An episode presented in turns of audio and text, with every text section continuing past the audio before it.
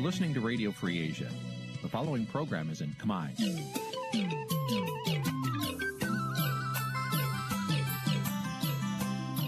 នេះជាកម្មវិធីផ្សាយ Vuthu Azizi Serai នេះជាកម្មវិធីផ្សាយរបស់ Vuthu Azizi Serai ជាភាសាខ្មែរ Vuthu Azizi Serai សូមស្វាគមន៍លោកអ្នកនាងទាំងអស់ពីរដ្ឋធានី Washington នៃសហរដ្ឋអាមេរិក ពីរដ្ឋធានីវ៉ាស៊ីនតោនខ្ញុំបាទសេកបណ្ឌិតសូមជម្រាបសួរអស់លោកអ្នកនាងកញ្ញាទាំងអស់ជាទីមេត្រីបាទយើងខ្ញុំសូមជូនកម្មវិធីផ្សាយសម្រាប់រាត្រីថ្ងៃប្រហោះទី11រោចខែមិគសេឆ្នាំឆ្លូវត្រីស័កពុទ្ធសករាជ2565ត្រូវនៅថ្ងៃទី30ខែធ្នូគ្រិស្តសករាជ2021បាទជាដំបូងនេះសូមអញ្ជើញអស់លោកអ្នកនាងស្ដាប់ព័ត៌មានប្រចាំថ្ងៃដែលមានមេតិការដូចតទៅ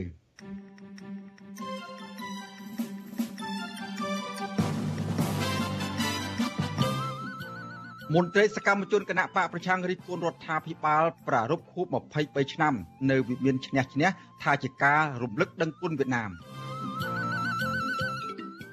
លោកហ៊ុនម៉ាណែតស្នើទៅមេដឹកនាំគណៈបកប្រឆាំងលោកសំរងស៊ីឲ្យដាក់ពេកភាពអ្នកបន្តវេនដើម្បីប្រកួតប្រជែងជាមួយលោក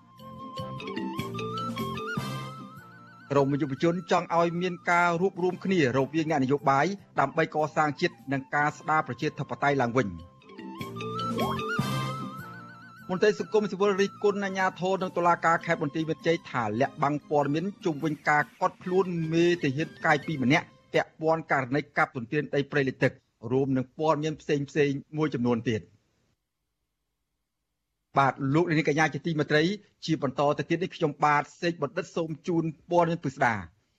បាទមន្ត្រីគណៈបកប្រឆាំងរិះគន់រដ្ឋាភិបាលក្រុងភ្នំពេញ ដែលបានប្រារព្ធខួប23ឆ្នាំនៃការបញ្ចប់សង្គ្រាមស៊ីវិលនៅកម្ពុជា ថាជាការរំលឹកដឹងគុណវៀតណាម ដែលបានជួយជ្រោមជ្រែងឲ្យលោកហ៊ុនសែនកាន់អំណាច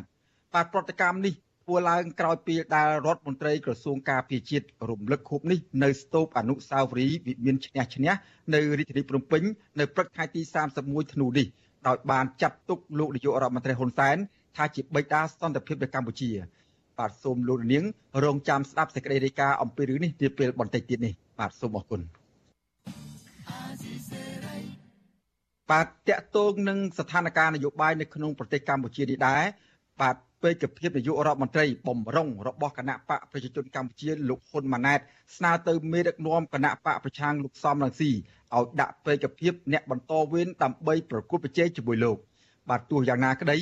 ក្រមយុវជនគាំទ្រគណៈបកប្រឆាំង ឆ្លើយតបថាគណៈបកប្រឆាំងមិនខ្វះយុវជនបន្តវេននោះទេក៏ប៉ុន្តែទាមទារឲ្យគណៈបកកណ្ដាលអំណាចត្រូវក្លាហានបើកឲ្យមានគណៈបកសង្គ្រោះជាតិរស់ឡើងវិញនិងរៀបចំការបោះឆ្នោតមួយដែលត្រឹមត្រូវជាមុនសិនបាទពីរដ្ឋធានី Washington អ្នកស្រីខែសំណងរាយការណ៍ជុំវិញព័ត៌មាននេះ លោកហ៊ុនម៉ាណែតពេលទទួលបានការតែងតាំងជាផ្លូវការជាបេក្ខជននាយករដ្ឋមន្ត្រីពីគណៈបករបស់ខ្លួន មានភាពសកម្មជាងមុនក្នុងការឆ្លងឆ្លើយឬវាយបកមកលោកសំរងស៊ីអស់ពីរឿងបបួលលោកសំរងស៊ីភ្នាល់រឿងគុណភាពសញ្ញាបត្រលោកហ៊ុនម៉ាណែតសរសេរលើ Facebook នៅថ្ងៃទី30ធ្នូថាលោកសំរងស៊ីជាអ្នកនយោបាយចាស់វស្សាចូលចិត្តវាយប្រហារលោកពីក្រោយខ្នងតែគ្មានភាពក្លាហានចេញមកតតាំងផ្ទាល់ជាមួយលោកលោកហ៊ុនម៉ាណែត ស្នើទៅលោកសំរងស៊ីឲ្យបញ្ចេញបេក្ខភាពបន្តវេនមកប្រកួតប្រជែងជាមួយលោកដោយដែលគណៈបកប្រជាជនកម្ពុជាបានធ្វើលោកលើកជាសំណួរថាតើលោកសំរងស៊ីមានភាពក្លាហាននិងឆន្ទៈនយោបាយគ្រប់គ្រាន់ទេឬលោកនៅតែតាំងខ្លួនជាក្របីចាស់ចង់ជុលជាមួយនឹងកូនក្របីទោះជាយ៉ាងណា ក្នុងពេលដែលលោកហ៊ុនម៉ាណែតបបួលលោកសំរងស៊ីមកតតាំងផ្ទាល់មុខបែបនេះលោកនាយករដ្ឋមន្ត្រីហ៊ុនសែនដែលជាឪពុករបស់លោក បានប្រើគ្រប់មធ្យោបាយរារាំងលោកសំរងស៊ីនិងមន្ត្រីជាន់ខ្ពស់គណៈបកសង្គ្រោះជាតិមិនឲ្យចូលស្រុកបានជុំវិញការស្នើឡើងរបស់លោកហ៊ុនម៉ាណែតនេះវត្តឈូអាស៊ីសេរីមិនអាចតាក់ទងសុំការឆ្លើយតបពីលោកសំរងស៊ីប្រធានស្ដីទីគណៈបកសង្គ្រោះជាតិបានទេនៅថ្ងៃទី30ខែធ្នូទោះជាយ៉ាងណានៅក្នុងវេទិកាវត្តឈូអាស៊ីសេរីកាលពីពេលថ្មីថ្មីនេះលោកសំរងស៊ីអះអាងថាគណៈបកសង្គ្រោះជាតិមានធនធានយុវជនបន្តវេនគ្រប់គ្រាន់ លោកបញ្ជាក់ថាគណៈបកប្រឆាំងថែមទាំងផ្ដល់ឱកាសដល់យុវជនមានសមត្ថភាពដែលមិនមែនជាយុវជនក្នុងជួរបកថែមទៀតផងយើងមិនចាំបាច់ជ្រើសរើសជាផ្លូវការប្រគួតប្រជែងប្រឡងអីអត់ទេយើងសម្គាល់យើងសម្គាល់អ្នកណាដែលមានថ្មីដៃមានថ្មីមាត់ ដែលអាចធ្វើការបានល្អហើយខ្ញុំសូមជម្រាបថាមិនមែននៅក្នុងមិនមែននៅតែក្នុងជួរគណៈបកសង្គ្រោះជាតិទេនៅក្នុងសង្គមស៊ីវិលសង្គមស៊ីវិលមានយុវជនមានបញ្ញវន្តជាច្រើនតកតងបញ្ហានេះប្រធានចលនាគណៈបកសង្គ្រោះជាតិនៅប្រទេសជប៉ុនលោកហៃវណ្ណានិយាយថាការលើកឡើងរបស់លោកហ៊ុនម៉ាណែតគឺជារឿងគួរឲ្យអស់សំណើចព្រោះការទៀមទារបស់លោកហ៊ុនម៉ាណែតបែបនេះ គណៈគណៈបកសង្គ្រោះជាតិមិនអាចធ្វើសកម្មភាពនៅក្នុងប្រទេសកម្ពុជាបានលោកបន្តថាបើលោកហ៊ុនម៉ាណែតពិតជាក្លាហានប្រកួតប្រជែងមែននោះត្រូវបើកឲ្យមានគណៈបកសង្គ្រោះជាតិអាចដំណើរការឡើងវិញបន្ធូរបន្ថយស្ថានភាពនយោបាយនិងរៀបចំការបោះឆ្នោតមួយដែលត្រឹមត្រូវនិងយុត្តិធម៌វាអន់ណាវាគួរឲ្យអស់សំណើចបើនិយាយកុហកស្ដាប់ទៅវាថោកទាបបំផុតឯនៅពេលដែលយើងខំសឹកជាគេដូចម៉ៃថៃសានអញ្ចឹងយើងមិនបើកចំហសេរីភាពក្នុងការចូលរួមពីប្រជាពលរដ្ឋជាពិសេសគឺគណៈបព្វឆាំងតែម្ដងបើមិនបើគាត់ចិត្តសឿងគាត់គួរណាស់តែបើកចិត្តឲ្យទូលាយតាំងខ្លួនជាបរិះដើមទ្រង់5ហត្ថប៉ុន្តែអ្វីដែលខ្ញុំមើលឃើញគឺថាឃើញថាហ៊ុនម៉ាណែតអសមត្ថភាពសំបីតែប្រកួតប្រជែងដោយស្មើមុខស្មើមាត់គាត់គាត់គ្មានសមត្ថភាពធ្វើផងចំណែកអ្នកសិក្សាស្រាវជ្រាវការអភិវឌ្ឍសង្គមបណ្ឌិតសេងសេរីយល់ថាទាំងគណៈបកកាន់អំណាចនិងគណៈបកប្រឆាំងគួរមានការផ្លាស់ប្តូរអេរយាប័តក្នុងការធ្វើនយោបាយ លោកបន្តថាចំពោះគណៈបកប្រឆាំងទោះឆ្នាំ2022និងឆ្នាំ2023ខាងមុខមិនទាន់មានការបោះឆ្នោតត្រឹមត្រូវក្តីប៉ុន្តែគណៈបកប្រឆាំងគួរបញ្ចេញអ្នកបន្តវេនរបស់ខ្លួនយកពេលវេលានៅក្នុងការពង្រឹងសមត្ថភាពមនុស្សចំនួនថ្មីដើម្បីអាចប្រកួតប្រជែងបានណាអាហ្នឹងរឿងទី1រឿងទី2មនុស្សចំនួនថ្មីហ្នឹងគឺ ត្រូវតែធ្វើម៉េចឲ្យមានអរិយាប័ត្រជាអ្នកដែលដឹកនាំបណ្ដុះបណ្ដាលមនោគមវិជ្ជាយ៉ាងណាដើម្បីធ្វើម៉េចឲ្យបន្តដឹកនាំពីអ្វីដែលកម្ពុជាមានបច្ចុប្បន្នកុំឲ្យคล้ายទៅជាមេដឹកនាំដែលចាប់ផ្ដើមពីសូន្យដោយមេដឹកនាំចំនួនមុនណា អ្នកខ្លំមើលសង្គមសង្កេតឃើញថារយៈពេលជាង4ឆ្នាំក្រោយការរំលាយគណៈបកសង្គ្រោះជាតិគណៈបកកណ្ដាលអំណាចបន្តធ្វើទុកបុកម្នេញលើសកម្មជននយោបាយបរិស្ថានសិទ្ធិមនុស្សនិងហាមឃាត់មិនឲ្យលោកកឹមសុខាធ្វើនយោបាយរារាំងមិនឲ្យលោកសំរងស៊ីចូលស្រុកហើយជាងនេះទៅទៀតនោះរដ្ឋាភិបាលលោកហ៊ុនសែនមិនអនុញ្ញាតឲ្យគណៈបកនយោបាយដែលខ្លួនសង្ស័យថាមានលោកសំរងស៊ីបើកដំណើរការឬធ្វើសកម្មភាពនយោបាយបានពេញលេញនោះដែរ។ ចានាងខ្ញុំខែសុណងវັດឈូអស៊ីសេរីរាយការណ៍ពីរដ្ឋធានី Washington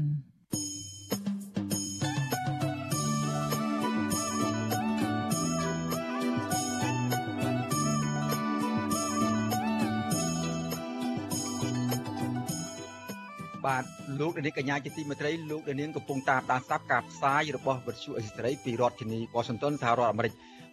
បាទកម្មវិធីផ្សាយរបស់វិទ្យុអេស៊ីសេរីក្រៅពីផ្សាយតាមបណ្ដាញសង្គម Facebook និង YouTube នោះលោកនាងក៏អាចស្ដាប់កម្មវិធីផ្សាយរបស់យើងខ្ញុំដំណើរគ្នាតាមរយៈរលកធារកាខ្លីឬ Shortwave ពេលព្រឹកចាប់ពីម៉ោង5កន្លះដល់ម៉ោង6កន្លះតាមរយៈរលកធារកាខ្លី9390 kHz ស្មើនឹងកម្ពស់ 32m និង11850 kHz ស្មើនឹងកម្ពស់ 25m បាទនៅពេលយប់ចាប់ពីម៉ោង7កន្លះដល់ម៉ោង8កន្លះ តាមរយៈរលកធាតុអាកាសខ្លី9390 kHz ស្មើនឹងកម្ពស់ 32m និង15155 kHz ស្មើនឹងកម្ពស់ 20m បាទសូមអរគុណ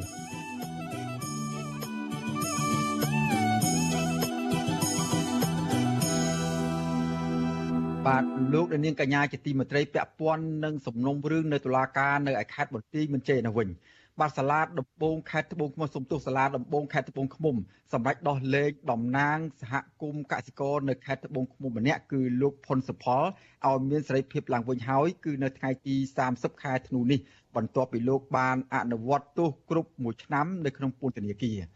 បាទប្រធានសម្ព័ន្ធសមាគមកសិករកម្ពុជាលោកថេងសវឿនឲ្យដឹងថាតំណាងកសិករប្រចាំខេត្តត្បូងឃ្មុំលោកផុនសុផលបានជួបជុំក្រុមកសាឡើងវិញហើយ បាទលោកថេងសវឿនយល់ថាការឃុំខ្លួនលោកផុនសុផលដាក់ពន្ធនាគារអស់រយៈពេល1ឆ្នាំមកនេះគឺជារឿងអយុត្តិធម៌ព្រោះសកម្មភាពរបស់លោកផុនសុផលកន្លងមកនោះមិនមែនជាទង្វើខុសច្បាប់នោះទេ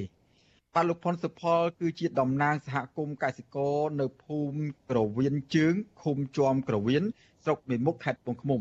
បាទលោកជាសកម្មជនមួយរូបដែលតែងតែចេញមុខជួយរកដំណោះស្រាយជូនដល់ប្រជាពលរដ្ឋ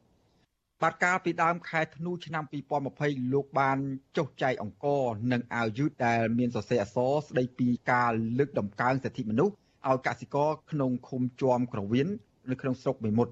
បាទអំណោយទាំងនោះគឺជារបស់សម្ព័ន្ធសមាគមកសិករកម្ពុជា ជួយដល់ប្រជាកសិករដែលជួបការខ្វះខាតក្នុងអំឡុងកើតមានជំងឺ Covid-19 បាទក្រោយពីមានសកម្មភាពនោះសមត្ថកិច្ចបានចាប់ខ្លួនលោកហ៊ុនសុផលនៅខេត្តប្រសេនុ ហើយបញ្ជូនទៅឃុំខ្លួននៅពន្ធនាគារខេត្តត្បូងឃ្មុំនៅថ្ងៃទី30ខែធ្នូឆ្នាំ2020បាទការចាប់ខ្លួននោះគឺធ្វើតាមដីកាបង្គាប់របស់ចៅក្រមស៊ើបសួរនៃសាលាដំបងខេត្តត្បូងឃ្មុំ គឺអ្នកស្រីនូច័ន្ទគុណអ្នកស្រីនូច័ន្ទសុគន្ធាដោយចោទប្រកាន់លោកផុនសុផលពីបទសំគំនិតក្នុងអំពើញុះញង់ឲ្យប្រព្រឹត្តបទល្មើសបង្កឲ្យមានភាពវឹកវរដល់សន្តិសុខសង្គម ដែលប្រព្រឹត្តទៅនៅតាមបណ្ដាញសង្គម Facebook ក្នុងភូមិសាស្ត្រខេត្តត្បូងឃ្មុំកាលពីថ្ងៃទី22ខែសីហាដល់ថ្ងៃទី22ខែតុលាឆ្នាំ2020បាទទោះយ៉ាងណាក្រុមអង្គការសង្គមស៊ីវិលអង្គការសិទ្ធិមនុស្សចាត់ទុកថាការចាប់ខ្លួននិងការផ្ដន់ទោសលោកផុនសុផលគឺធ្វើឡើងដោយគ្មានមូលដ្ឋានច្បាប់ និងជាការរំលោភសិទ្ធិមនុស្សធ្ងន់ធ្ងរ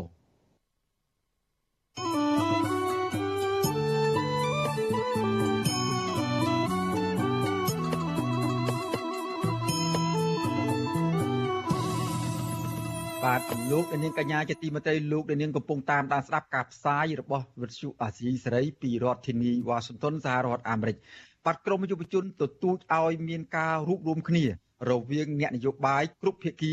ដើម្បីចូលរួមកសាងជាតិនិងស្នើឲ្យរដ្ឋាភិបាលបច្ចុប្បន្នលើកស្ទួយដំណើរការលទ្ធិប្រជាធិបតេយ្យឡើងវិញបាទទស្សនៈរបស់ក្រមយុវជនទាំងនេះគឺដោយសារតែវិបត្តិជាប់គាំងនយោបាយ និងការធ្លាក់ចុះនៃការគោរពសិទ្ធិមនុស្សនិងលទ្ធិប្រជាធិបតេយ្យនៅក្នុងស្រុកស្របពេលដែលកម្ពុជាបន្តធ្លាក់ចូលទៅក្នុងចំនួនភូមិសាស្ត្រនយោបាយរបស់ពួកមហាអំណាចបាទពីរដ្ឋធានី Washington អ្នកស្រីម៉ៅសុធីនីរាយការណ៍ជុំវិញព័ត៌មាននេះ យុវជនជាច្រើនអ្នកព្រួយបារម្ភអំពីជោគវាសនាប្រទេសជាតិខណៈស្ថានភាពកម្ពុជាកំពុងតានតឹងផ្នែកនយោបាយនិងធ្លាក់ចុះនៅលទ្ធិប្រជាធិបតេយ្យព្រមទាំងការគោរពសិទ្ធិសេរីភាពធ្ងន់ធ្ងរនៅប្រមាណឆ្នាំចុងក្រោយនេះ ពួកគេមានទស្សនៈស្របគ្នាដែលចង់ឲ្យគ្រប់ភាគីនយោបាយទាំងអស់វិលមកចរចារកដំណោះស្រាយរួមដោយសន្តិវិធី និងស្នើឲ្យរដ្ឋាភិបាលបច្ចុប្បន្នកែប្រែអិរិយាបថនៃការដឹកនាំនិងការផ្ទេរអំណាចតាមបែបផ្ដាច់ការ។ យុវជនមួយរូបនិងជាមន្ត្រីតស៊ូមតិរបស់សមាគមបណ្ដាញយុវជនកម្ពុជា លោកសាន់ម៉ាឡាយល់ថាប៉ះសិនបើអ្នកនយោបាយទាំងអស់តម្កល់ផលប្រយោជន៍ជាតិជាធំនោះនឹងអាចដោះស្រាយវិបត្តិជាប់គាំងនយោបាយនាពេលបច្ចុប្បន្ននិងមានឱកាសកសាងប្រទេសជាតិឡើងវិញ។ ប្រទេសកម្ពុជារបស់យើងតូចណាស់ហើយមានប្រជាជនត្រឹមតែ16លាននាក់ជាង ជាចំនួនមួយដែលតិចតួចមែនតែនបើយើងធៀបជាមួយនឹងថៃឬក៏វៀតណាមដូច្នេះហើយខ្ញុំគិតថាអ្នកនយោបាយគួរតែលះបង់នៅគំនិតបុគ្គលនិយមគ្រួសារនិយមហើយពួតដៃគ្នាកសាងនិងអភិវឌ្ឍសង្គមជាតិឲ្យរីកចម្រើនរុងរឿងផ្ដល់នៅសេចក្តីសុខនិងសុភមង្គលដល់ប្រជាពលរដ្ឋ យុវជនមួយរូបទៀតដែលជានិស្សិតបញ្ញាបត្រនីតិសាស្ត្រនៅខេត្តបាត់ដំបងកញ្ញាអ៊ុយលីនមើលឃើញថាកម្ពុជាមានបញ្ហាជាច្រើនដែលរដ្ឋាភិបាលនិងអ្នកនយោបាយត្រូវនាំគ្នាគិតគូរជាងការឆ្លោះតតែងគ្នាដូចជាបញ្ហាគោរពសិទ្ធិត្រីភាព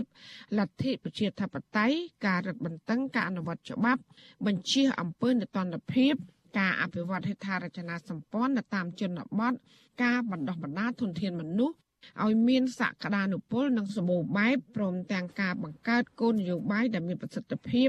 ដើម្បីស្ដារសេដ្ឋកិច្ចជាតិដែលកំពុងដាំក្បាលចុះក្នុងវិបត្តិជំងឺ Covid-19 ជាដើម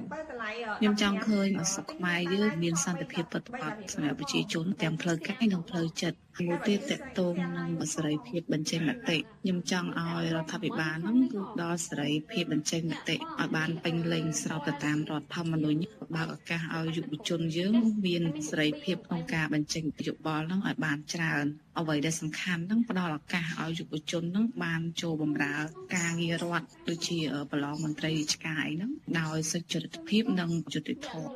យុវជនមួយរូបទៀតដែលជាអតីតសកម្មជនមេដាធម្មជាតិកញ្ញាភួនកែរស្មីយល់ថាអ្វីបាននៅចុងឆ្នាំ2021នេះមានការដលែងក្រុមយុវជនស្រឡាញ់សង្គមមួយចំនួនក៏ពិតមែនប៉ុន្តែកញ្ញានៅតែមើលឃើញថាលំហសិទ្ធិត្រីភាព ក្នុងការបញ្ចេញមតិនិងកិច្ចការងារសង្គមត្រូវបានរដ្ឋបတ်ដោយមិនមានការលើកទឹកចិត្តឬក៏គ្រប់គ្រងពីសំណាក់រដ្ឋាភិបាលនៅឡើយ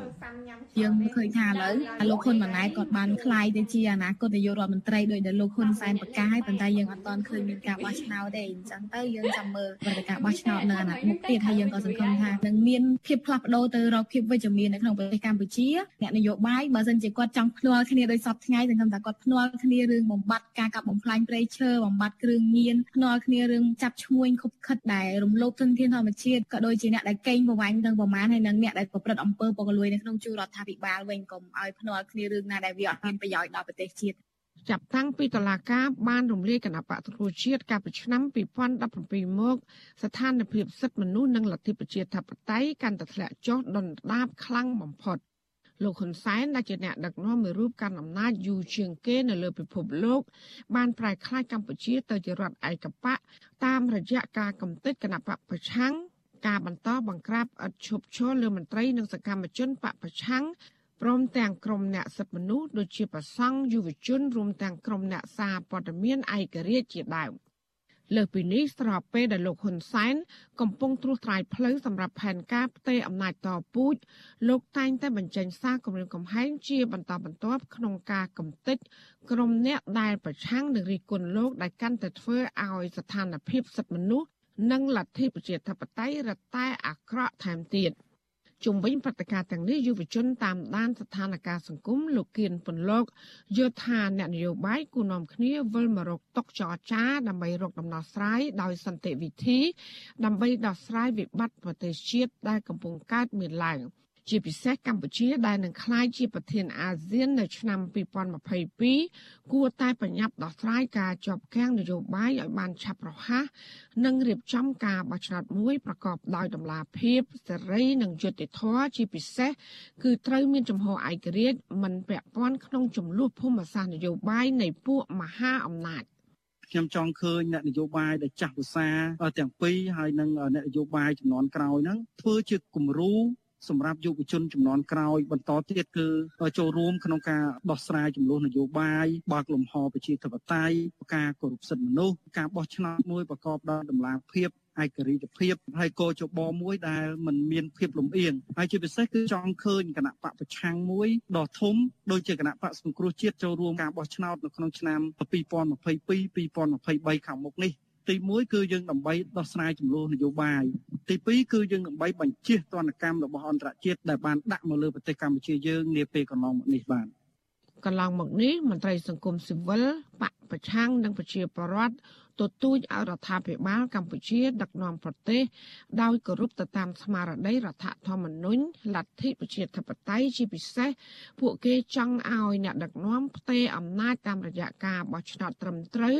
ពុំមែនតាមរយៈវងត្រកូលឡើយហើយដែលនាំឲ្យប្រទេសជាតិកាន់តែជួបភាពវឹកវរជួបភាពអាម៉ាស់នៅលើឆាកអន្តរជាតិនិងខាតបង់ផលប្រយោជន៍ជាតិពិតប្រាកដ ចាននាងខ្ញុំម៉ៃសុធានីវិទ្យុអាស៊ីសេរីប្រធានាធិបតី Washington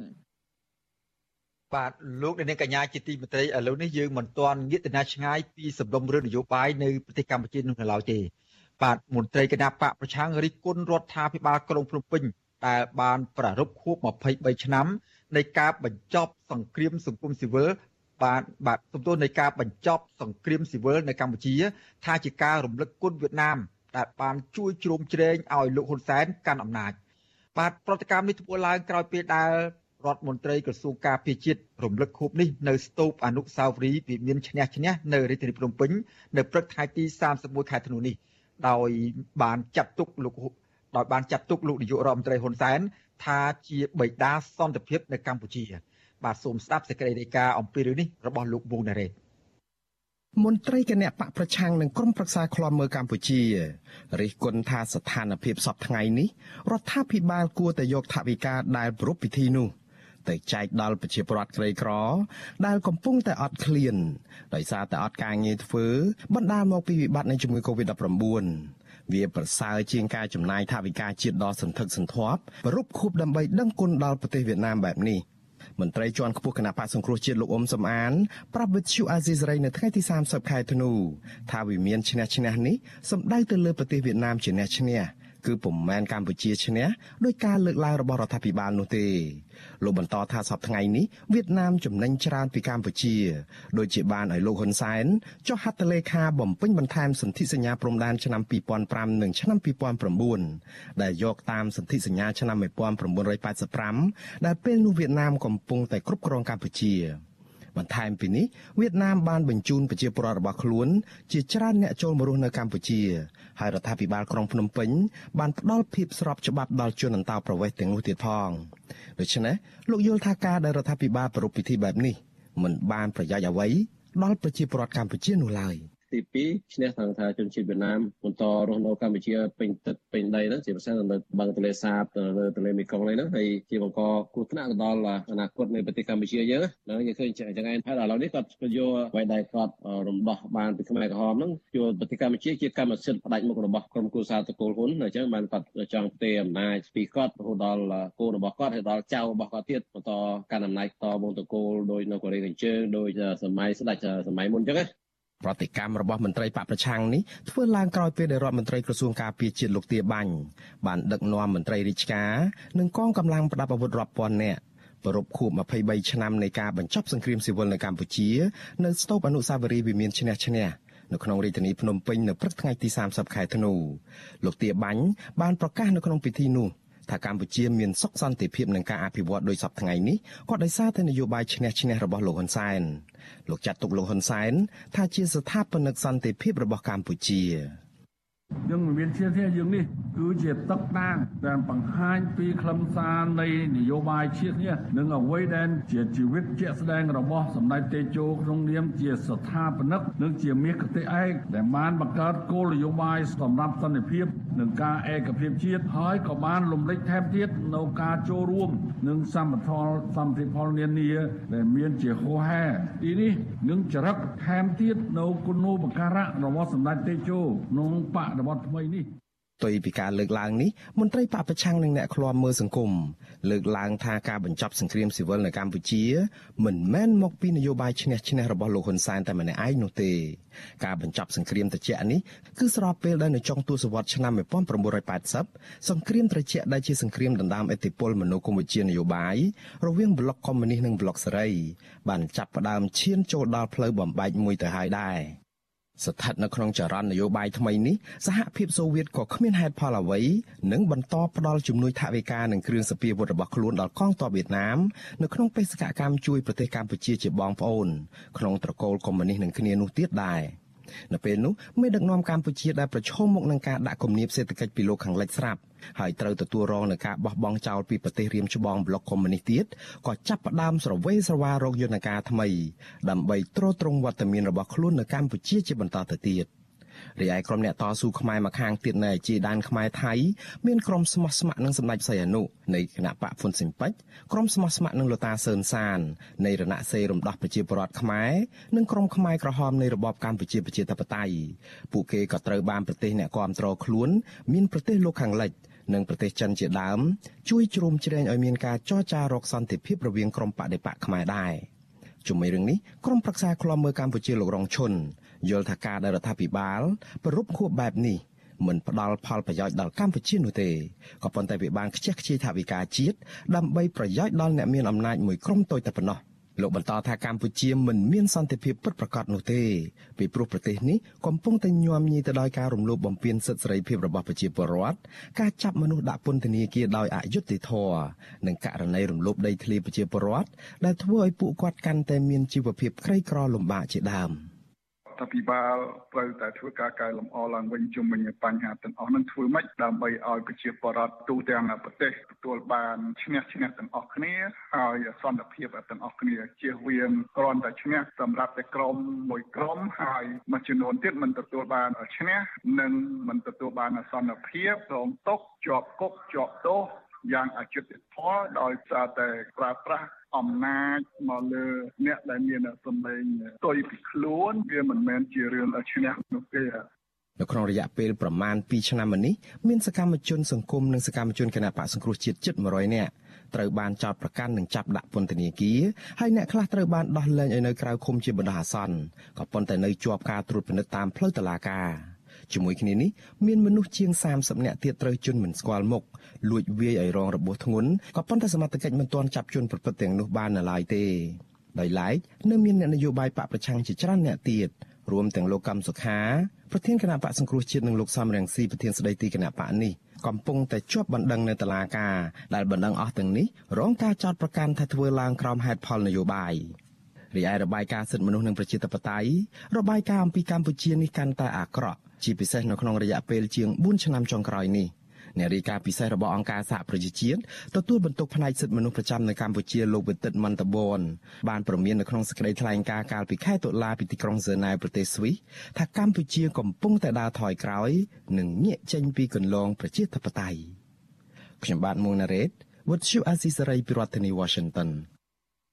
បាទលោកនាងកញ្ញាជាទីមេត្រីពាក់ព័ន្ធនឹងស្ថានភាពនយោបាយដដែលនេះ ក៏ប៉ុន្តែឥឡូវនេះយើងងាកមកមើលសហគមន៍ខ្មែរនៅក្រៅប្រទេសវិញម្ដងបាទសហគមន៍ខ្មែរនៅក្រៅប្រទេសកំពុងនាំគ្នាសស័កសស្រាំស្កាត់ជួបសមាជិកព្រឹទ្ធសភាអាមេរិកនៅតាមរដ្ឋដែលពួកគាត់រស់នៅដើម្បីជំរុញឲ្យស្ថាប័នធ្វើច្បាប់នេះពន្លឿនការអនុម័តច្បាប់ដាក់ទណ្ឌកម្មទៅដល់មន្ត្រីរដ្ឋាភិបាលហ៊ុនសែនដែលបានចូលដៃនៅក្នុងការរំលោភសិទ្ធិមនុស្សនិងប្រជាធិបតេយ្យធ្ងន់ធ្ងរបាទនៅក្នុងការ ផ្សាយរបស់យើងនៅពេលបន្តិចទៀតនេះយើងនឹងមានសម្ភាសជាមួយនឹងអ្នករិកាជាមួយនឹងអ្នករិការបស់ប្រទេសអស៊ីស្រីយើងនឹងមានសម្ភាសជាមួយនឹងតំណាងសហគមន៍ប្រជាពលរដ្ឋខ្មែរនៅក្រៅប្រទេសនិងមន្ត្រីគណៈបកប្រឆាំងដើម្បីដឹងអំពីការដែលពួកគាត់ស្កាត់ជួបទៅដល់មន្ត្រីនៃមុខអ្នកការប្រសិទ្ធភាពនិងរដ្ឋសភានៃសហរដ្ឋអាមេរិកនេះ ដើម្បីធ្វើយ៉ាងម៉េចឲ្យពន្យល់ច្បាប់ដាក់ទណ្ឌកម្មទៅដល់រដ្ឋាភិបាលលោកនាយករដ្ឋមន្ត្រីហ៊ុនសែននោះក៏ប៉ុន្តែមុនដល់កិច្ចសម្ភារនេះខ្ញុំបាទសូមជួបមួងលោកមួងរ៉េតបន្តិចសិនតើនៅពេលជួបសម្ភារនៅពេលខាងមុខនេះលោកនឹងផ្ដោតលើបញ្ហាអ្វីខ្លះបាទខ្ញុំបាទសូមជម្រាបសួរលោកណារ៉េតបាទបាទសូមជម្រាបសួរលោកសីបណ្ឌិតហើយសូមជម្រាបសួរលោកនាងទាំងអស់ដែលកំពុងតាមដានស្ដាប់និងទស្សនាការផ្សាយរបស់វិទ្យុអស៊ីសេរីជាទីមេត្រីបាទបាទលោកណារ៉េតឃើញថាប្រជាពលរដ្ឋ សហគមន៍ខ្មែរនៅក្រៅប្រទេសនេះជាពិសេសនៅក្នុងសហរដ្ឋអាមេរិកនេះតែម្ដងពួកគាត់សស្រាក់ស្រាំណាស់ក្នុងការជួយរោគដំណោះស្រាយសន្តិភាពនិងដំណោះស្រាយនយោបាយនៅក្នុងប្រទេសកម្ពុជាដែលកំពុងជាប់គាំងនេះក៏ប៉ុន្តែការជួយការស្វាស្វែងរកអន្តរាគមនេះពួកគាត់នឹងផ្ដោតទៅលើបញ្ហាវិញហើយការសម្ភាររបស់លោកណារ៉េតនៅពេលខាងមុខទៀតជួបជាមួយពួកគាត់នោះតើនឹងចង់លើករំលឹកនឹងបញ្ហាអ្វីខ្លះមកជូនលោកដានៀងដែលកំពុងតាមដានស្ដាប់និងទស្សនាការផ្សាយរបស់វិទ្យុអាស៊ីសេរីនៅក្នុងរយៈនេះបាទ បាទអរគុណនៅរាត្រីនេះគឺដោយសារតែចិត្តដាច់ឆ្នាំណាស់ទៅហើយនៅសល់តែមួយថ្ងៃទៀតទេលោកសិទ្ធបណ្ឌិតហើយប្រជាពលរដ្ឋខ្មែរសហគមន៍ខ្មែរនៅក្រៅប្រទេសនេះគឺនាំគ្នាដុតដៃដុតជើងដោយសារតែខាងសភាជាន់ទាបរបស់អាមេរិកនោះគេអនុម័តច្បាប់មួយហើយគឺដាក់ទណ្ឌកម្មមន្ត្រីជាន់ខ្ពស់នៅក្នុងជួររដ្ឋាភិបាលលោកហ៊ុនសែនតកតទៅនឹងការរំលោភសិទ្ធិមនុស្សនិងបំផ្លាញប្រជាធិបតេយ្យធ្ងន់ធ្ងរនោះហើយក៏ខាងមន្ត្រីខាងនៅឯសភាជាន់ខ្ពស់គឺខាងព្រឹទ្ធសភាឯណោះហ្នឹងក៏ស្នើច្បាប់ស្តៀងគ្នានឹងមួយដែរដើម្បីធ្វើឲ្យទម្ងន់នៃការដាក់ទណ្ឌកម្មហ្នឹងវាវាដូចថាស្របគ្នាហើយមានកម្លាំងពីស្ថាប័នសភាដល់ទៅ2ជាន់អញ្ចឹងនៅក្នុងរាត្រីនេះពួកគាត់នឹងឡើងមកបញ្យល់ថាតើពួកគាត់ធ្វើអីគេខ្លះដើម្បីឲ្យច្បាប់ហ្នឹងឆាប់បញ្ញត្តិបានអនុម័តហើយប្រជាពលរដ្ឋខ្មែរហ្នឹងកំពុងធ្វើអីនឹងបន្តអាចធ្វើអីទៀតហើយសេចក្តីសង្ឃឹមរបស់ពួកគាត់ទៅខាងមុខហ្នឹងថាតើច្បាប់ហ្នឹងនឹងអាចអនុម័តឆាប់នៅពេលណាហើយនឹងមានបញ្ហាប្រឈមអីខ្លះទៀតដែរបាទសេចក្តី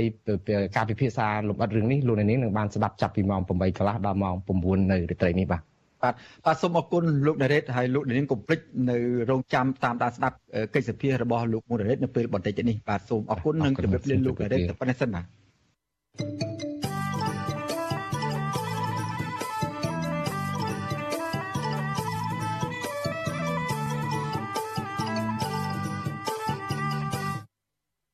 បាទអង្គការសង្គមស៊ីវិលធ្វើយុទ្ធនាការបង្ហោះសារតាមបណ្ដាញសង្គម Facebook ទាមទារឲ្យក្រុមហ៊ុន Nagavel បញ្ឈប់ការរើសអើងគ្រប់ទម្រង់ទៅលើសហជីពនិងចូលតុចរចាដោះស្រាយបញ្ចប់វិវាទការងារដ៏រ៉ាំរ៉ៃមួយនេះបាទយុទ្ធនាការនេះមានបំណងចង់ឲ្យសាធារណជនទូទៅកម្មករនិងសហជីពគ្រប់វិស័យទាំងអស់ចូលរួមគ្រប់គ្រងលើកទឹកចិត្តដល់ក្រុមកម្មករនយោជិត Nagavel ជាង1000នាក់ដែលកំពុងធ្វើកោតកម្មទាមទាររកដំណោះស្រាយជុំវិញការងារពីក្រុមហ៊ុន បាទពីរដ្ឋធានី Washington លោកសនច័ន្ទរដ្ឋារាយការណ៍ជុំវិញព័ត៌មាននេះ Nagavel ត្រូវបញ្ឈប់ការរើសអើងសហជីពពួកយើងត្រូវការសហជីពសហជីពត្រូវការពួកយើងតែនេះគឺជាសារដែលក្រុមអង្គការសង្គមស៊ីវិលនិងអ្នកប្រាស្រ័យបណ្ដាញសង្គម Facebook ឈោះថតបង្ហោះក្នុងគណនីរបស់ពួកគេគណៈវិវាទការងារនៃក្រុមហ៊ុនបនលបៃមួយនេះមិនទាន់មានដំណោះស្រាយនៅឡើយទេនាយករងទទួលបន្ទុកផ្នែកខ្លំមើលសិទ្ធិមនុស្សនៃអង្គការលីកាដូលោកអំសំអាន ប្រវត្តិជួអាស៊ីសេរីនៅថ្ងៃទី30ខែធ្នូថាការធ្វើយុទ្ធនាការនេះគឺដើម្បីទាមទារឲ្យក្រុមហ៊ុនបញ្ឈប់ការរើសអើងហើយឈប់លៀបពណ៌មកលើសហជីពលោកស្នើឲ្យភាគីក្រុមហ៊ុនគួរចូលតុចរចាដោះស្រាយបញ្ចប់វិវាទការងារនេះដោយដំណាភាពនិងតាមច្បាប់ស្តីពីការងារ យើងសូមឲ្យបញ្ឈប់ទម្រង់នៃការលៀបពណ៌នៃការរើសអើងទៅលើសហជីពអាការវើលហ្នឹងហើយអ្វីដែលសំខាន់គឺការស្វែងរកដំណោះស្រាយដោយទទួលយកបានទាំងអស់គ្នាហ្នឹងវាជារឿងមួយដែលចាំបាច់បំផុតបាទអ្នកគ្រប់គ្រងកម្មវិធីសិទ្ធិការងារនៃអង្គការសង្ត្រាលោកខុនត្រោមានប្រសាសន៍ថាការមិនព្រមទទួលយកកម្មករនយោជិតនិងថ្នាក់ដឹកនាំសហជីពជាង3នាក់ពីខាងក្រុមហ៊ុនមកទល់ពេលនេះ គឺបង្ហាញឲ្យឃើញថាក្រុមហ៊ុនមានចេតនាចោលរំសាយសហជីពចេញពីក្រុមហ៊ុន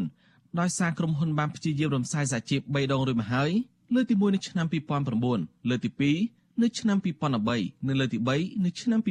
2020លោកចាត់តុការផ្ដាច់កិច្ចសន្យាចំពោះបុគ្គលិកជាង3នាក់ដោយក្រុមហ៊ុននេះថាជាការរើសអើងនិងរំលោភសិទ្ធិការងារសហជីពដែលត្រូវបានការពារដោយច្បាប់លោកស្នើឲ្យភាគីក្រុមហ៊ុនទទួលយកបុគ្គលិកជាង3នាក់ចូលធ្វើការងារវិញ ហើយបើកលំហសិទ្ធិសេរីភាពការងារដល់កម្មករទៅតាមច្បាប់ដោយសារក្រុមហ៊ុនបានដំណើរការអាជីវកម្មរបស់ខ្លួនឡើងវិញអស់ជាច្រើនខែមកហើយនៅក្នុងដំណើរការនៃការចរចាទាំងឡាយហ្នឹងទោះបីតែក្រុមហ៊ុនលើកអំពីចំហថាខ្លួនមិនមានការរើសអើងសហជីពនៅតែ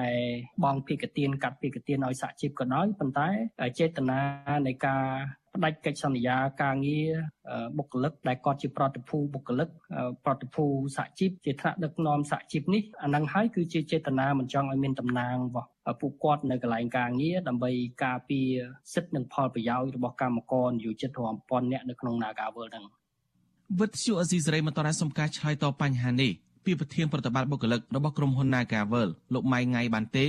នៅថ្ងៃទី30ខែធ្នូដោយហៅទូរស័ព្ទចូលតែពុំមានអ្នកទទួល គិតមកទល់ពេលនេះមានរយៈពេល13ថ្ងៃហើយដែលក្រុមកម្មករ Nagawal ជាង1000នាក់នៅធ្វើកតកម្មទាមទារដំណោះស្រាយការងារពីថៅកែក្រុមហ៊ុនក្រុមកតកតនាំគ្នាវីស្កូនិងស្រ័យតវ៉ានៅក្នុងក្រុមហ៊ុនដើម្បីឲ្យថៅកែព្រមទទួលយកបុគ្គលិកនិងថ្នាក់ដឹកនាំសហជីពចូលធ្វើការងារវិញពួកគេនៅតែបន្តធ្វើកតកម្មដោយសន្តិវិធីនេះរហូតដល់មានដំណោះស្រាយដែលអាចទទួលយកបានសង្គមស៊ីវិលលើកឡើងថាវិវាទការងារដែលអូបន្លាយមកទល់ពេលនេះ ដោយសារតែភាគីក្រុមហ៊ុនគ្មានចេតនាស្មោះត្រង់ចង់ចូលរួមដោះស្រាយបញ្ចប់បញ្ហានេះសង្គមស៊ីវិលយល់ថាបើខាងក្រុមហ៊ុនព្រមទទួលយកបុគ្គលិកជាង3នាក់ចូលធ្វើការងារវិញចំនួនការងារមួយនេះនឹងត្រូវបានបញ្ចប់ហើយកម្មករក៏នឹងរំសាយការធ្វើកតកម្មផងដែរខ្ញុំសនចាររថាវិទ្យុអេស៊ីសរ៉ៃរីកាពីរដ្ឋធានីវ៉ាស៊ីនតោន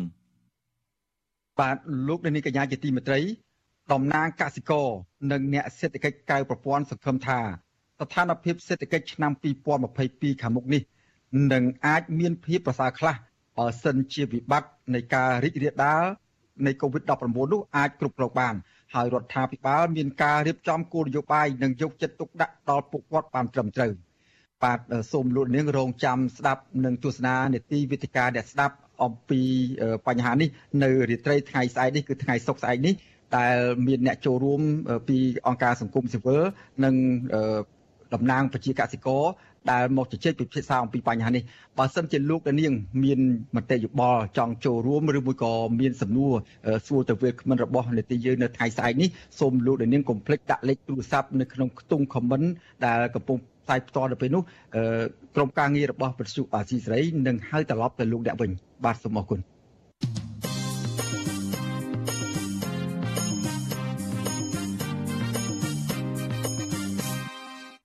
បាទលោកនាងកញ្ញាជាទីមេត្រីសមត្ថកិច្ចជំនាញនៃមន្ទីរប្រឆាំងបទល្មើសគ្រឿងញៀនបាទបង្ក្រាបអក្រិតជនជនជាតិចិនចំនួន9នាក់ពាក់ព័ន្ធនឹងការដឹកជញ្ជូនគ្រឿងញៀនឆ្លងដែនជិត350គីឡូក្រាមបាទមន្ត្រីអង្គការសង្គមស៊ីវិលជំរុញឲ្យអាជ្ញាធរបើកការស៊ើបអង្កេតបន្ថែមទៀតដើម្បីស្វែងរកអ្នកពាក់ព័ន្ធមកដាក់ទោសទណ្ឌឲ្យបានធ្ងន់ធ្ងរទៅតាមច្បាប់បាទពីរដ្ឋធានី Washington អ្នកស្រីខែសុណងមានសេចក្តីរាយការណ៍មួយទៀតជុំវិញព័ត៌មាននេះ កម្លាំងជំនាញនៃមន្ទីរគ្រឿងញៀនសហការជាមួយសមត្ថកិច្ចកយកំពុងផែប្រសេនុនិងកម្លាំងជំនាញស្នងការដ្ឋាននគរបាលរាជធានីភ្នំពេញបង្ក្រាបក្រុមអ ுக ្រិតជនជួញដូរគ្រឿងញៀនជនជាតិចិនឆ្លងដែនថ្មីមួយទៀតចូលមកកម្ពុជា ការបង្ក្រាបក្រុមអ ுக ្រិតជនគ្រឿងញៀនត្រង់ទ្រាយធំនេះស្ថិតនៅចំណុចវិឡាភ្លោះលេខ21ក្នុងបរិយាពេញហួតបឹងស្នោសង្កាត់និរោធខណ្ឌច្បារអំពៅនិងនៅចំណុចភោជនីយដ្ឋានអ៊ីយិនម៉ាថៅស្ថិតក្នុងសង្កាត់បឹងប្រលិតខណ្ឌ7មករារាជធានីភ្នំពេញកាលពីថ្ងៃទី29ធ្នូសមត្ថកិច្ចបានឃាត់ខ្លួនអ ுக ្រិតជនគ្រឿងញៀនជនជាតិចិន9នាក់ក្នុងនោះមានម្នាក់ ឈ្មោះហ្វាងរុយមីង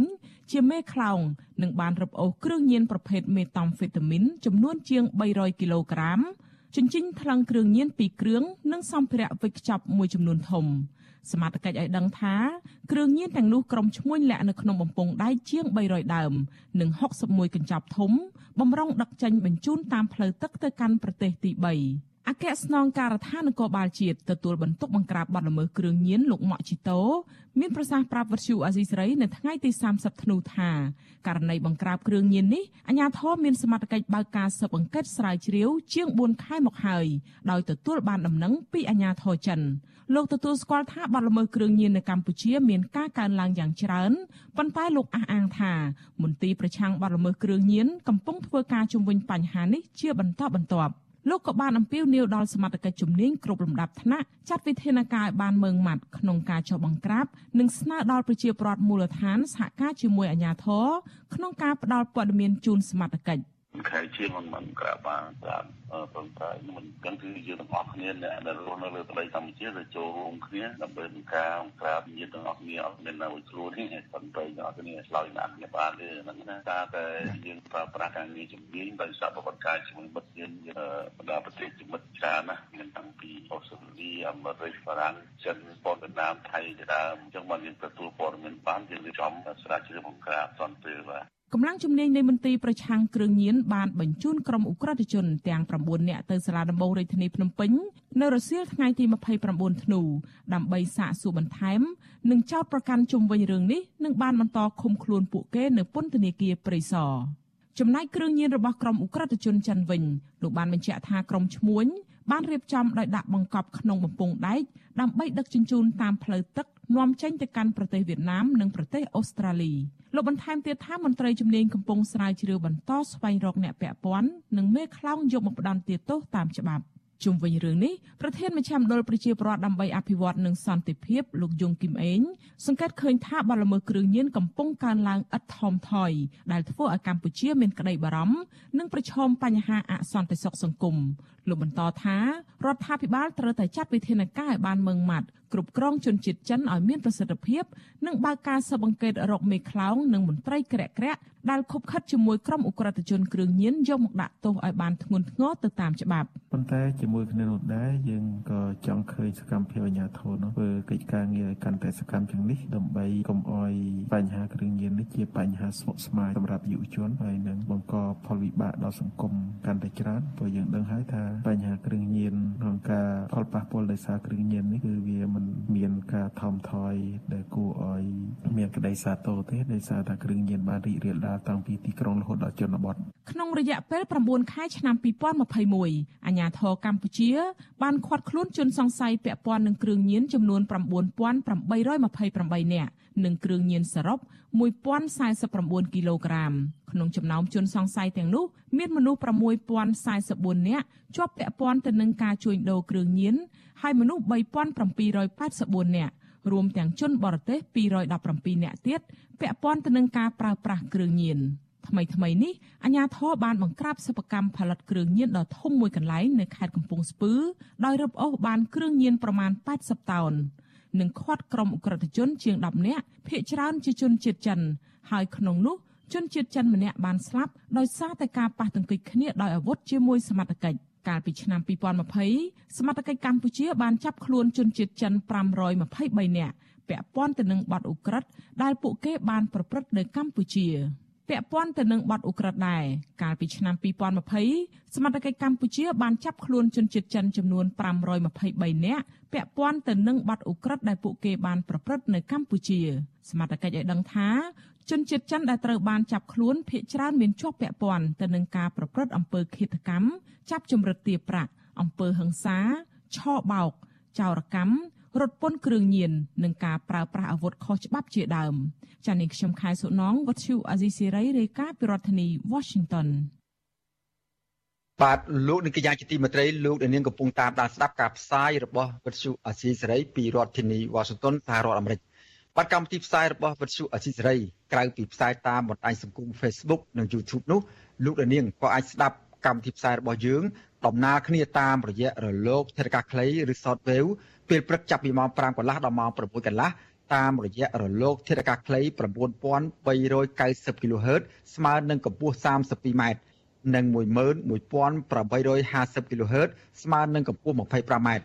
ពេលយប់ចាប់ពីម៉ោង7កន្លះដល់ម៉ោង8កន្លះតាមរយៈរលកធាតុអាកាសខ្លី9390 kHz ស្មើនឹងកម្ពស់ 32m និង15155 kHz ស្មើនឹងកម្ពស់ 20m បាទសូមអរគុណ បាទលោកនាងកញ្ញាជាទីមេត្រីពាក់ព័ន្ធនឹងស្ថានភាពជំងឺ Covid-19 វិញម្ដងបាទអ្នកជំងឺ Covid-19 ម្នាក់ទៀតបានស្លាប់ដោយសារក្រសួងសុខាភិបាលបញ្ជាក់ថា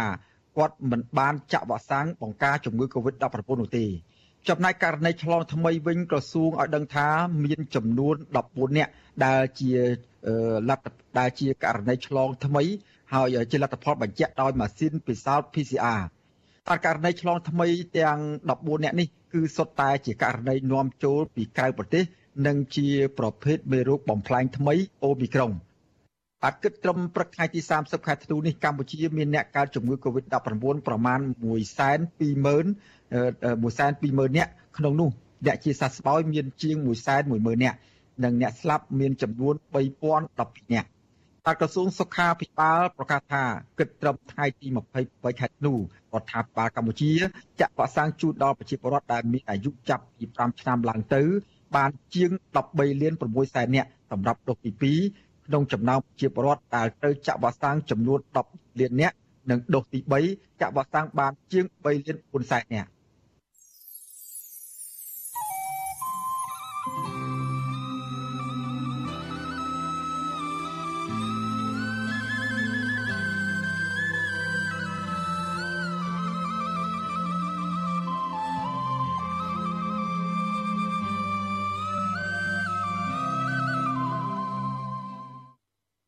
បាទលោកនាងកញ្ញាជាទីមេត្រីពាក់ព័ន្ធនឹងសំណុំរឿងនៅតុលាការខេត្តបន្ទាយមានជ័យនោះវិញ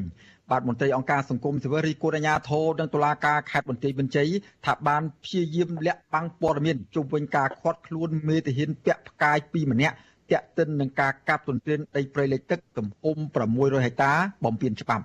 បាទពួកគេចាត់ទុកទង្វើបែបនេះថាជាចំណុចសង្ស័យមួយឆ្លុះបញ្ចាំងថា ចំណាត់ការរបស់គណៈកម្មការជំនាញមានប្រសិទ្ធភាពនិងខ្វះតម្លាភាពបាទពីរដ្ឋធានីវ៉ាស៊ីនតោនលោកលេងម៉ាលីរាយការណ៍ជុំវិញព័ត៌មាននេះក្រុមអង្គការសង្គមស៊ីវិលទាមទារឲ្យគណៈកម្មការអន្តរក្រសួងដែលចុះបង្ក្រាបសកម្មភាពកាប់ទន្ទ្រានដីព្រៃលិចទឹកនៅតំបន់បឹងទន្លេសាបឲ្យបង្ហាញលទ្ធផលឲ្យច្បាស់លាស់និងផ្សព្វផ្សាយឲ្យបានទូលំទូលាយ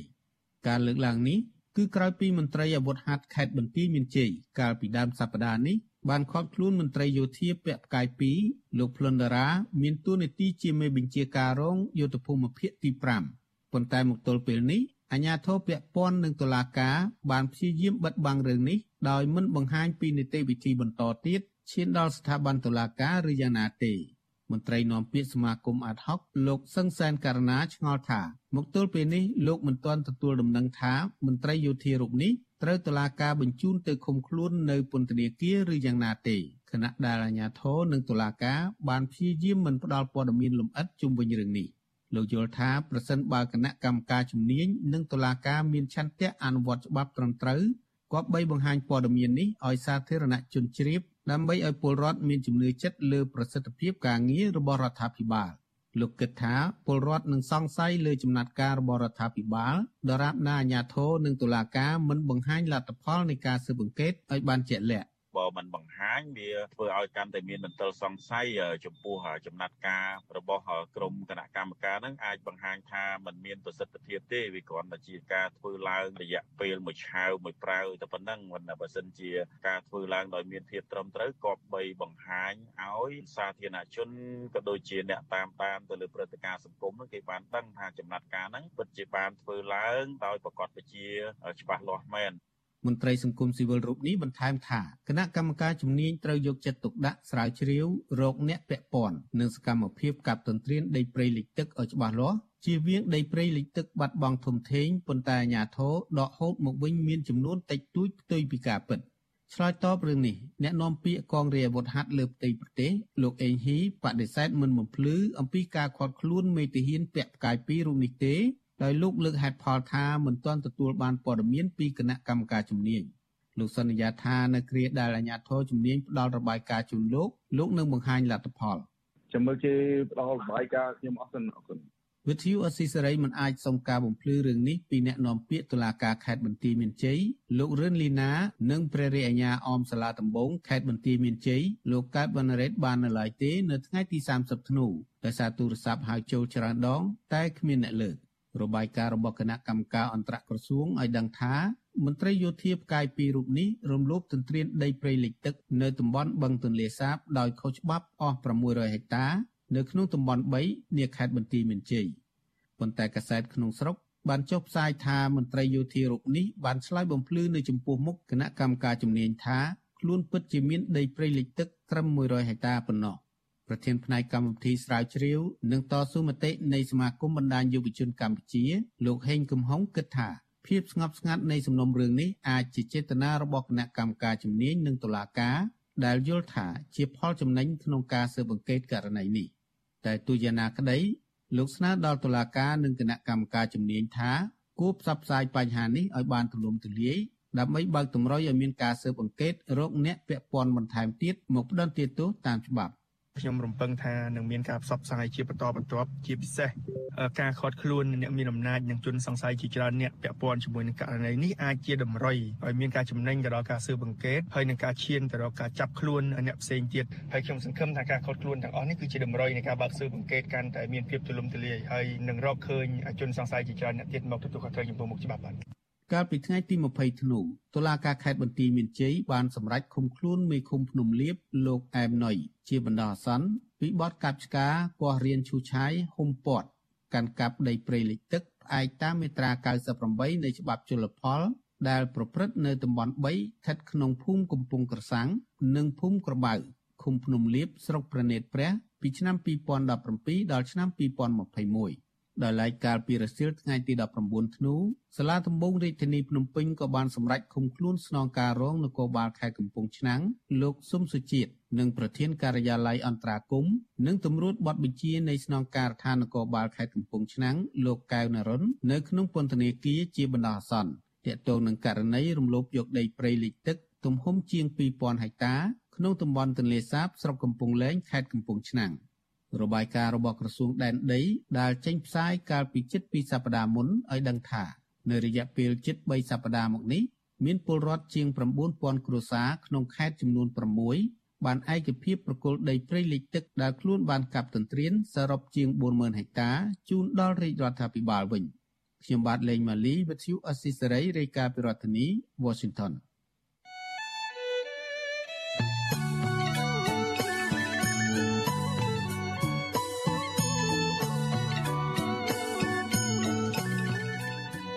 បាទលោកនាងកញ្ញាជាទីមេត្រីលោកដែលនឹងកំពុងតាមដានស្ដាប់ការផ្សាយរបស់វិទ្យុអាស៊ីសេរីពីរដ្ឋធានី Washington សហរដ្ឋអាមេរិកបាទតំណាងកសិករនិងអ្នកសេដ្ឋកិច្ចក្រៅប្រព័ន្ធសង្ឃឹមថាស្ថានភាពសេដ្ឋកិច្ចឆ្នាំ2022ខាងមុខនេះនឹងអាចមានភាពប្រសើរឡើងខ្លះបើសិនជាវិបត្តិនៃការរីករាលដាលជំងឺ Covid-19 អាចគ្រប់គ្រងបានហើយរដ្ឋាភិបាលមានការរៀបចំគោលនយោបាយនិងយកចិត្តទុកដាក់ដល់ពួកគាត់បានត្រឹមត្រូវនោះបាទលោកដានៀង សូមលោកនាងរងចាំស្ដាប់នឹងទស្សនាការផ្សាយបទកិច្ចពិភាក្សានេះនៅក្នុងវេទិកាអ្នកស្ដាប់នៅក្នុងនីតិវេទិកាអ្នកស្ដាប់របស់វិទ្យុអសីសេរីដែលមានភ្ញៀវតំណាងកសិករនិងអ្នកសេដ្ឋកិច្ចក្រៅប្រព័ន្ធចូលរួមនៅក្នុងរាត្រីថ្ងៃសុក្រទី31ខែធ្នូស្អែកនេះ បាទបើសិនជាលោកនាង មានសំណួរឬក៏ចង់សួរភ្ញៀវវាទៅដល់ភ្ញៀវកិត្តិយសឬវាគ្មិនរបស់យើងនោះសូមលោកនាងដាក់លេខទូរស័ព្ទរបស់អស់លោកនាងនៅក្នុងខ្ទង់ comment ដែលកំពុងផ្សាយផ្ទាល់នៅពេលនោះក្រុមការងាររបស់វិទ្យុអសីសេរីនឹងហៅត្រឡប់ទៅលោកអ្នកវិញបាទសូមអរគុណ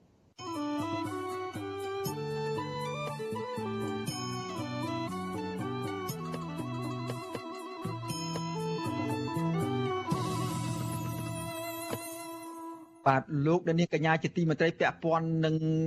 វិស័យសុខាភិបាលវិញម្ដង បាទអ្នកវិទ្យាសាស្ត្រផ្ដល់អនុសាសន៍ថា ការត្រៀមទុកដាក់សម្ភារៈនៅក្នុង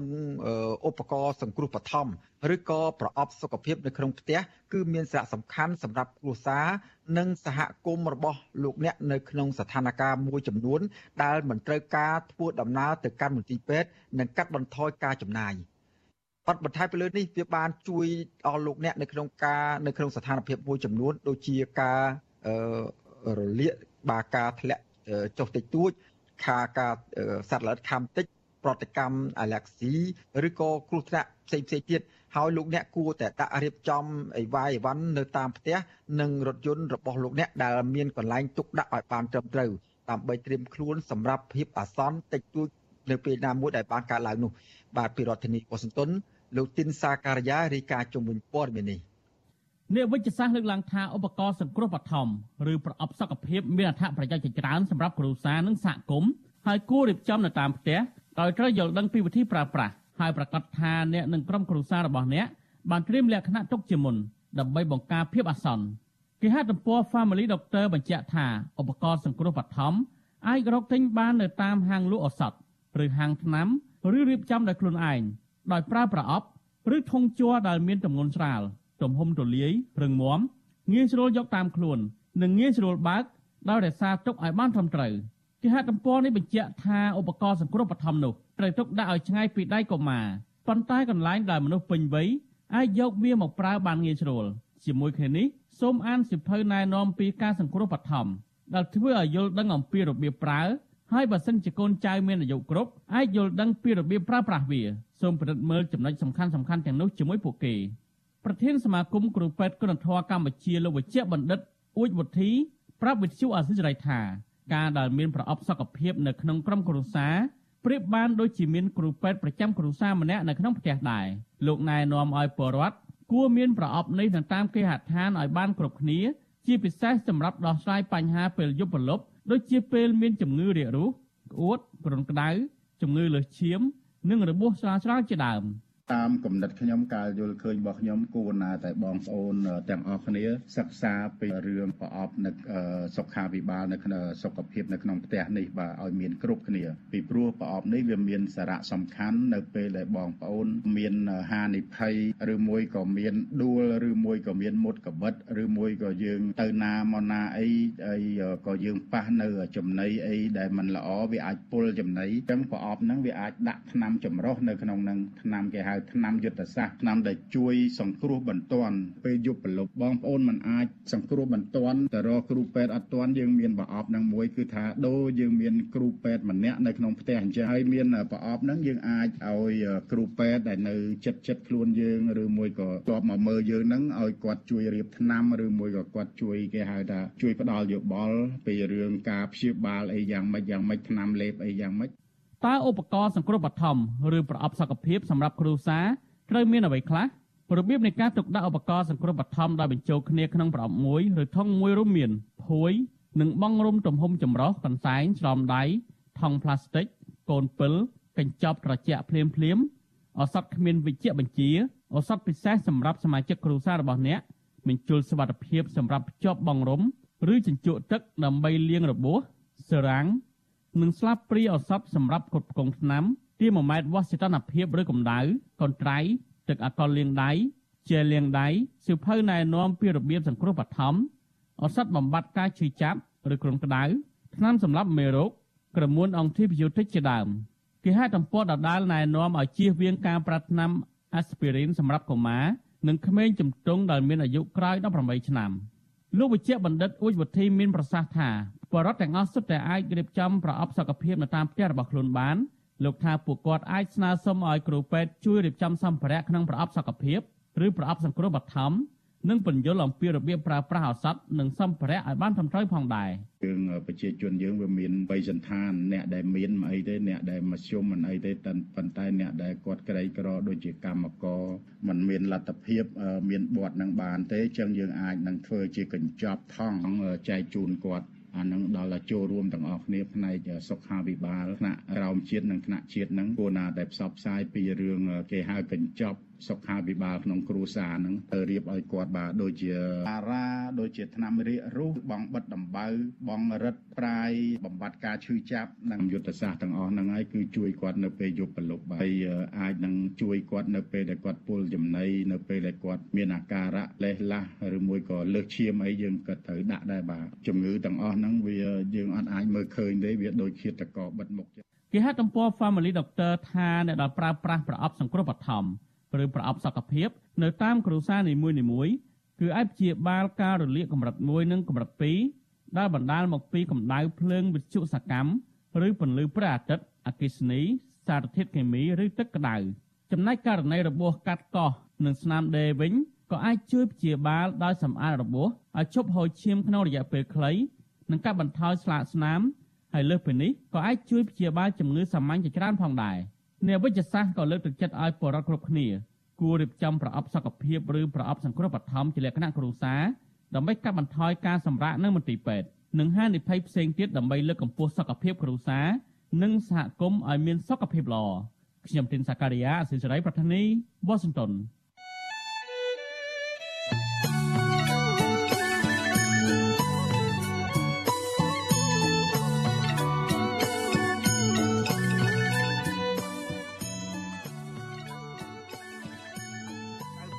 តាមដានស្ដាប់កម្មវិធីផ្សាយរបស់វិទ្យុអស៊ីសេរីតាមបណ្ដាញសង្គម Facebook YouTube និង Telegram នោះលោកនាងក៏អាចតាមដានស្ដាប់ការផ្សាយរបស់យើងខ្ញុំតាមរយៈបណ្ដាញសង្គម Instagram របស់វិទ្យុអស៊ីសេរីបានតាមរយៈតំណភ្ជាប់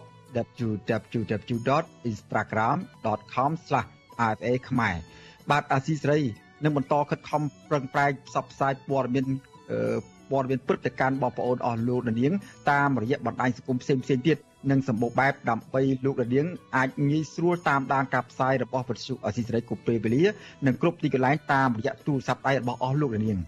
បាទចំពោះអស់លោករនាងនៅពេលនេះដែលកំពុងតាមដានស្ដាប់ការផ្សាយរបស់យើងខ្ញុំតាមរយៈរលកធាតុអាកាសខ្លីឬហៅថា shortwave នោះ នឹងមិនលឺយើងខ្ញុំទៀតទេក៏ប៉ុន្តែចំពោះលោកលានដែលតាមដានស្ដាប់ការផ្សាយរបស់យើងខ្ញុំតាមរយៈបណ្ដាញសង្គមមាន YouTube និង Facebook នោះនៅតែបន្តតាមដានស្ដាប់ការផ្សាយរបស់យើងខ្ញុំនៅរយៈពេល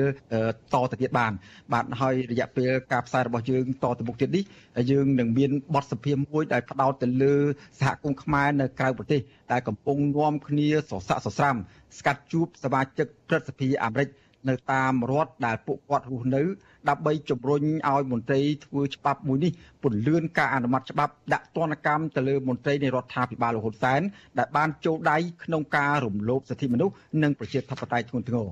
បាទនៅក្នុងការផ្សាយរបស់យើងខ្ញុំនៅពេលបន្តិចនេះលោកដានៀងនឹងបានស្ដាប់កិច្ចសម្ភាសរវាងអ្នកយុព័ត៌មានវិទ្យុអសីសេរីលោកមួងដារ៉េតនិងតំណាងពលរដ្ឋខ្មែរនៅក្រៅប្រទេសដែលនិងមន្ត្រីគណៈបពប្រឆាំងនៅក្រៅប្រទេសដែលកំពុងធ្វើការលើរឿងនេះ ដែលមានលោកមូររ៉េតជាអ្នកសម្បកសម្រួលបាទសូមលោករនាង តាមដានស្ដាប់រកចាំតាមដានស្ដាប់និងទស្សនាការកិច្ចសភានេះដូចតទៅនៅពេលបន្តិចនេះបាទ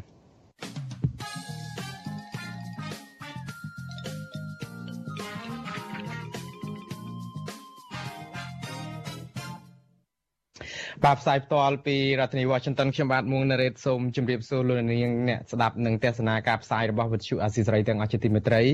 នៅរាត្រីថ្ងៃទី30ដែលត្រូវនឹងថ្ងៃប្រហ័ស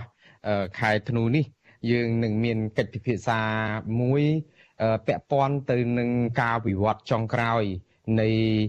ដំណើរការរបស់បងប្អូនប្រជាពលរដ្ឋខ្មែរនៅសហគមន៍នៅក្រៅប្រទេសនេះដែលនាំគ្នាដុតដៃដុតជើងធ្វើយ៉ាងណាដើម្បីជំរុញឬក៏ស្កាត់ជួបសមាជិកព្រឹទ្ធសភាអាមេរិកនៅតាមរដ្ឋដែលពួកគាត់រស់នៅនឹងជំរុញឲ្យស្ថាប័នធ្វើច្បាប់មួយនេះពន្លឿនការអនុម័តច្បាប់ដាក់ទណ្ឌកម្មទៅលើមន្ត្រីរដ្ឋាភិបាល របស់លោកហ៊ុនសែនដែលបាននាំគ្នាចូលដៃនៅក្នុងការរំលោភសិទ្ធិមនុស្សនិងប្រជាធិបតេយ្យធ្ងន់ធ្ងរនោះហើយនៅរាត្រីនេះយើងមានអ្នកតំណាងពីប្រជាពលរដ្ឋនៅមូលដ្ឋានននៅក្នុងសហគមន៍ខ្មែរនៅឯរដ្ឋ Rhode Island នៅក្រុង Providence ហើយក៏មានតំណាងរបស់មន្ត្រីគណៈបកសង្គ្រោះជាតិនៅក្រៅប្រទេស ដែលនឹងមកបំភ្លឺមកបន្ថែមអំពីថាតើពួកគាត់បានធ្វើអ្វីខ្លះហើយហើយនៅមានអ្វីតទៅទៀតដែលត្រូវធ្វើព្រោះចិត្តដាច់ឆ្នាំណាស់ដែរហើយឥឡូវកុំឲ្យខាត់ភ័យជូរនេះខ្ញុំបាទសូមជម្រាបសួរអឺលោកទាំងពីរបាទគឺអ្នកស្រី ថិតកំផុននិងលោកកៅសំណាងបាទជំរាបសួរជំរាបសួរលោកមុនរៀងបាទលោកអ្នកនាងអ្នកស្រីថិតកំហ៊ុន គឺជាប្រធានកិច្ចការនារីរបស់គណៈបកសង្គ្រោះជាតិក្រៅប្រទេសឯលោកកៅសំណាងវិញ គឺជាប្រជាពលរដ្ឋខ្មែរសាមញ្ញរស់នៅទីក្រុង Providence នៃរដ្ឋ Rhode Island បាទនៅកន្លែងកំពង់អធិបតេយ្យខ្លាំងហើយនៅពេលនេះអញ្ចឹងដើម្បីជាកិច្ចចាប់ផ្ដើមខ្ញុំចង់ចាប់ផ្ដើមពី តំណាងឲ្យខាងសង្គ្រោះជាតិនៅក្រៅប្រទេស